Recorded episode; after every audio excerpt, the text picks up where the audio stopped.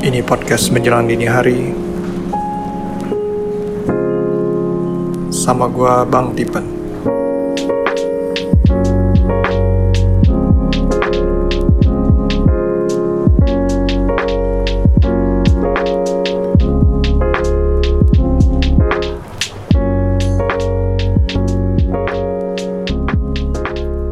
Kali ini episode ke-35 Kemarin ini kalau yang pada pantengin Twitter gua, gua sempat nge-tweet kalau gua berusaha untuk hemat satu setengah juta, tapi akhirnya malah kehilangan kesempatan untuk dapetin duit 40 juta.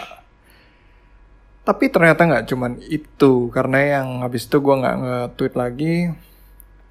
Kalau gue sebenarnya ada kehilangan uh, bukan kesempatan ya, kelewatan actually. Kelewatan setor giro yang nilainya 150 juta di hari itu juga. So, total-totalnya hari itu gue well anggaplah penghujung bulan April gue sebenarnya masih bisa dapat tambahan tambahan cash flow 190 juta yang sangat gue butuhkan pada saat itu. Tapi sayangnya um, karena masalah gue mau hemat satu setengah juta ini malah jadi kelewatan. Di Twitter itu ada, um, sorry gue lupa Twitter handle-nya apa, dia minta tolong di-share dong bang. Uh, ceritanya tolong dibahas di podcast. Oke, okay, oke, okay, bakal gue bahas. Dan inilah gue bahas supaya lu juga nggak ngalamin hal yang sama kayak gue. Di mana kita tuh kesannya kayak mau menghemat dan sebenarnya waktu kita lebih berharga. Dan tanpa kita sadari itu semua lewat gitu aja. Oke, okay, gue ceritain background dulu ya. So, backgroundnya begini. Um, gue punya seorang anak yang umurnya baru mau 2 tahun ya, lagi jalan 2 tahun.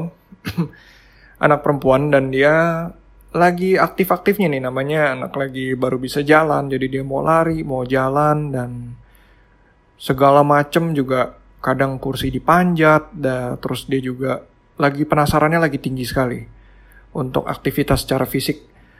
So biasanya gue ada pakai suster. Jadi suster ini untuk ngebantu di rumah sama istri gue karena memang anak gue ini tergolong anaknya aktif dan emang uniknya itu tenaganya tuh amazing sih. Tenaganya badak, tapi tidurnya, tapi dia nggak suka tidur. Jadi dia tidurnya tuh sangat um, gimana ya? Cepat terbangun. Kalau dengar suara tek dibangun. Dan dengan tidur mungkin tidur 4 jam gitu dia udah cukup gitu buat satu malam.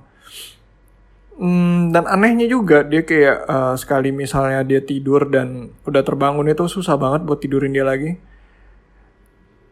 Yang kemarin ini memang kita ada suster, cuman si suster melakukan kesalahan sangat besar yang menurut gue itu sangat fatal.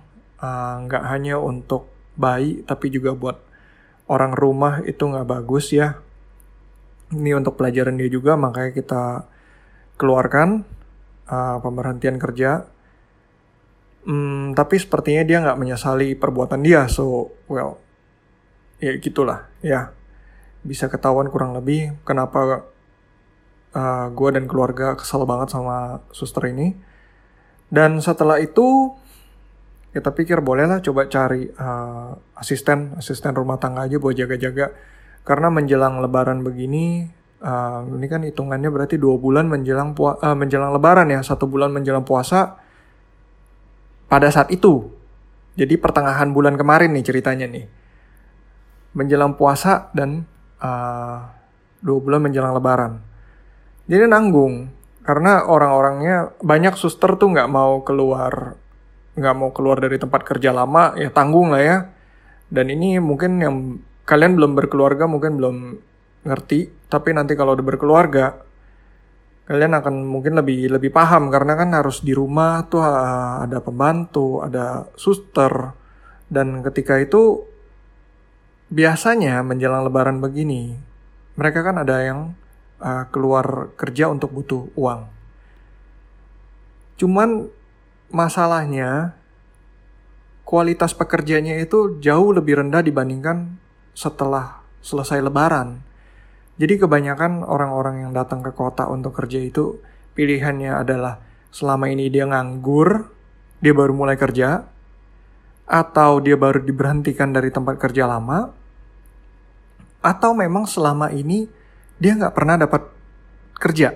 Jadi dia sudah apply misalnya uh, yayasan lah, ke, uh, makelar lah, tapi orang kurang serak sama kinerja dia, sama performance dia mungkin. Makanya dia cari di saat-saat menjelang lebaran gini, orang kadang-kadang ada kayak kita, orang-orang seperti kita yang butuh mereka datang. Dan mereka juga butuh uang itu untuk uh, perayaan lebaran nanti kan.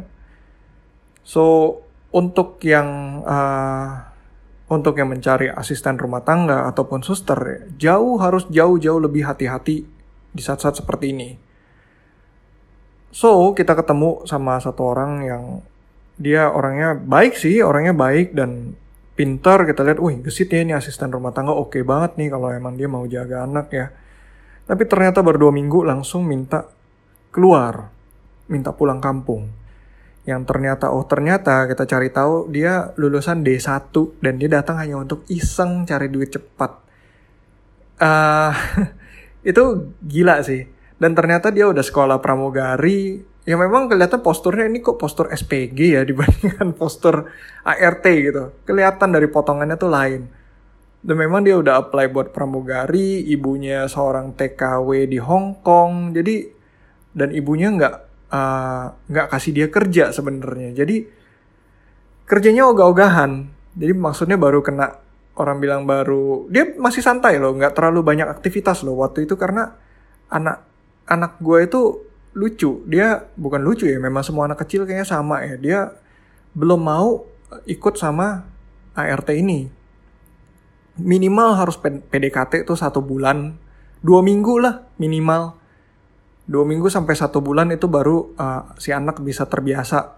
Dan itu harus ngelihat dia tiap hari gitu. Beraktivitas sama-sama diajak main. Baru anak tuh mau uh, bayangin ini baru masuk dua minggu udah keluar otomatis kan ya anak masih belum mau ya gitu so intinya itu kejadian kan di uh, pertengahan April cerita-cerita ini semua nih jadi selama satu dua minggu terakhir satu minggu satu minggu malah satu minggu terakhir ini jadi dari tanggal uh, Oke, okay, let me check my calendar. Uh, tanggal sekitar tanggal 26 lah ya. Tanggal 26 ke atas, wait, kayaknya bukan 26 apa 19 gitu. Gue udah kebanyakan ngurusin anak juga, ngebantuin istri ngurusin anak. Jadi kadang-kadang pulang uh, kerjaan selesain buru-buru, terus pulang uh, pulang ke rumah buat buat bantu. Karena anak gue itu amazing sih, memang orang-orang yang belum lihat tuh pada bilang, Man, emang susah ngurus anak? Susah ya? Uh, enggak, perasaan santai-santai aja tuh kan anaknya tidur kita bisa ikut tidur. Coba lah. um, gue nggak bisa bilang coba lu ngurus anak gue ya, cuman hmm, jadi gini, gue sering ketemu misalnya pergi sama temen gitu, teman-teman yang sama-sama punya anak. Dan mereka tuh waktu ngeliat anak gue tuh kayak awalnya mah ya ngomongnya kayak ya bisa lah anak urus sendiri bisa. Giliran lihat anak gue semua udah pada diem-diem aja galeng-galeng kepala. Ada ya anak yang kayak gitu. Ya memang ada gitu. Nyatanya nyatanya emang ajaibnya itu anak gue gitu kan.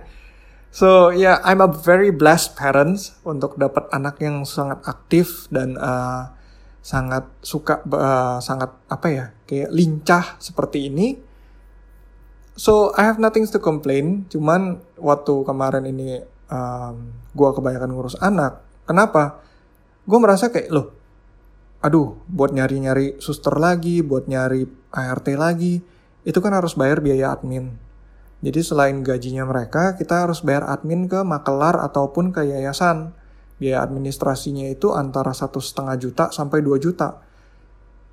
Jadi gue bilang gini, oke, okay, aduh udah menjelang lebaran gini belum tentu dapat yang oke okay juga. Udahlah, janganlah sayang lah gitu, sayang biaya admin. Udah kita urus sendiri aja dulu. Toh sebentar lagi udah uh, udah leba udah mau puasa. Puasa kan biasanya pun nggak gitu. Orang udah lebih kurang fokus ya karena kan kurang tidur. Uh, yang apalagi yang harus menjalani ibadah puasa gitu kan biasanya memang udah begitu udah udah biasa lah kita. So we think udahlah kita urusan diri dan nyatanya itulah yang terjadi. Selama satu minggu gue nggak fokus kerjaan uh, minggu sebelumnya oke okay, ada yang mungkin ada yang nanya kenapa nggak dari minggu sebelumnya direncanakan gitu kan? Minggu sebelumnya udah direncanakan. Cuman memang waktu untuk pengiriman kan kita ada schedule uh, schedule kita bentrok sama pengiriman yang lain akhirnya yang ini ketunda. Dan yang ini ketunda itu ya lumayan fatal gitu. Akhirnya kelupa gitu kelupaan. Kelupaan gitu aja. Dan padahal ini pesanan dia pesanan khusus yang berarti gue lumayan dapat uh, istilah ada margin yang lumayan ya. Dari situ gue ya gue kecewa sih. Gue kecewa banget dengan hal itu dan gue juga ada ngomong ke keluarga juga jadi tolong kerjasamanya ya gitu. Ini kan kita lagi butuh banget cash flow seperti yang kita semua tahu. Tolong uh, masing-masing tanggung jawab masing-masing dan ya respon untuk minggu ini. Minggu ini kan berarti minggu kedua ini walaupun belum ada suster pun uh, belum ada yang ngebantuin tapi ya udah lebih gue lebih bisa fokus kerja dan uh, pembagian tugasnya tuh udah jelas deh gitu. Kayak jam berapa gue harus balik jam berapa gue boleh berangkat dan segala macam pokoknya gue tiap hari harus datang kantor fokus dan habis itu nggak ngeliat handphone untuk nggak uh, ada laporan apa-apa supaya bisa lebih ya gitulah ngontrol kerjaan ngeliat laporan oke. Okay? um, jadi ya moral moral lagi pesan moral yang bisa dipelajarin sekarang ya kadang tuh begini potensi di luar sana itu besar sekali jadi kita masih bisa dapat uh, kan gue udah pernah sering bilang gue punya masalah dengan cash flow kan? Sedangkan gue lupa untuk dapetin sales yang udah jelas itu bakal di ini uh, ini customer gue yang ini ya orang yang sip. Jadi dia bayar selalu lebih cepat daripada waktu yang gue tentuin. Gila nggak tuh? Jarang kan nemuin seperti itu. Makanya dia customernya sip banget tapi karena gue fokus gue diarahkan ke penghematan biaya gue malah kehilangan kesempatan untuk uh, sebenarnya menghasilkan menghasilkan uang yang lebih banyak gitu dan ini sebenarnya yang di um, dulu gue ada follow satu orang namanya Grant Cardone. Grant Cardone sendiri bilang juga begitu. Kenapa uh, ada namanya orang-orang financial planner, financial planner itu buat apa? Kenapa mereka suruh lu hemat biaya, lu harus potong, lu punya gaya hidup segala macam. Benar gaya hidup itu memang akan memberatkan. Cuman ingat loh, fokus kita jangan uh, jangan cuman di pengurangan biaya karena apa? anggaplah penghasilan lu selama satu bulan itu 10 juta. Berapa nilai maksimal yang bisa lu hematin? Paling-paling mentok adalah 10 juta kan? Nilai yang bisa lo hematin itu paling mentok tuh 10 juta. Nggak akan bisa lebih dari itu. Karena penghasilan lu cuma 10 juta. Tapi kalau misalnya lu membatasi diri lu oke okay, uh, eh, gaya hidup gue misalnya sekian. Tapi lu fokusnya di penghasilan mendapatkan penghasilan yang lebih, itu bisa hasilnya sampai berapa potensinya? Nggak ada yang tahu. Ya kan? Nggak ada yang tahu kan? Dan kalau memang suatu biaya itu seperti admin suster ini yang memang harus keluar, ya mendingan ya eh keluarin aja gitu, bayar juga. Ujung-ujungnya juga kita kalau yang namanya nyari suster dan nyari ART, ujung-ujungnya kita pun akan harus keluar gitu. Daripada akhirnya mengorbankan waktu yang sebenarnya waktu kita tuh lebih uh, lebih produktif, lebih bisa menghasilkan lebih banyak. Kita korbanin waktu kita untuk uh, sesuatu yang yang nilainya lebih rendah. So per, selalu perhatikan value itu. Jadi apakah coba bandingin apakah value kita time waktu itu akan lebih uh, lebih less value dibandingkan hal yang kita hemat salah satu contoh perusahaan-perusahaan yang menjual time adalah Uber. Kenapa makanya Uber kenapa bisa begitu besar? Karena Uber itu meng, Uber dan Gojek, sorry, Uber dan Gojek itu sebenarnya mereka bukan um, menjual layanan servis yang kayak oh uh, bisa ngantor gini-gini. Itu sebenarnya adalah nilai yang terlihat jelas, tapi uh, maksudnya terlihat jelas kayak oh ya ada satu kemudahan gitu. Uh, sekarang mau pesan dum dum atau apa bisa pesan Gojek aja gitu kan atau enggak. Tapi dari dulu ada gitu tinggal ke kamu punya pangkalan ojek gitu ojek ojek kenalan di pangkalan ojek ya udah sama mereka aja gitu. Janjian minta nomor telepon WA kan. Uh, nanti dia tinggal datang ambil duitnya gitu.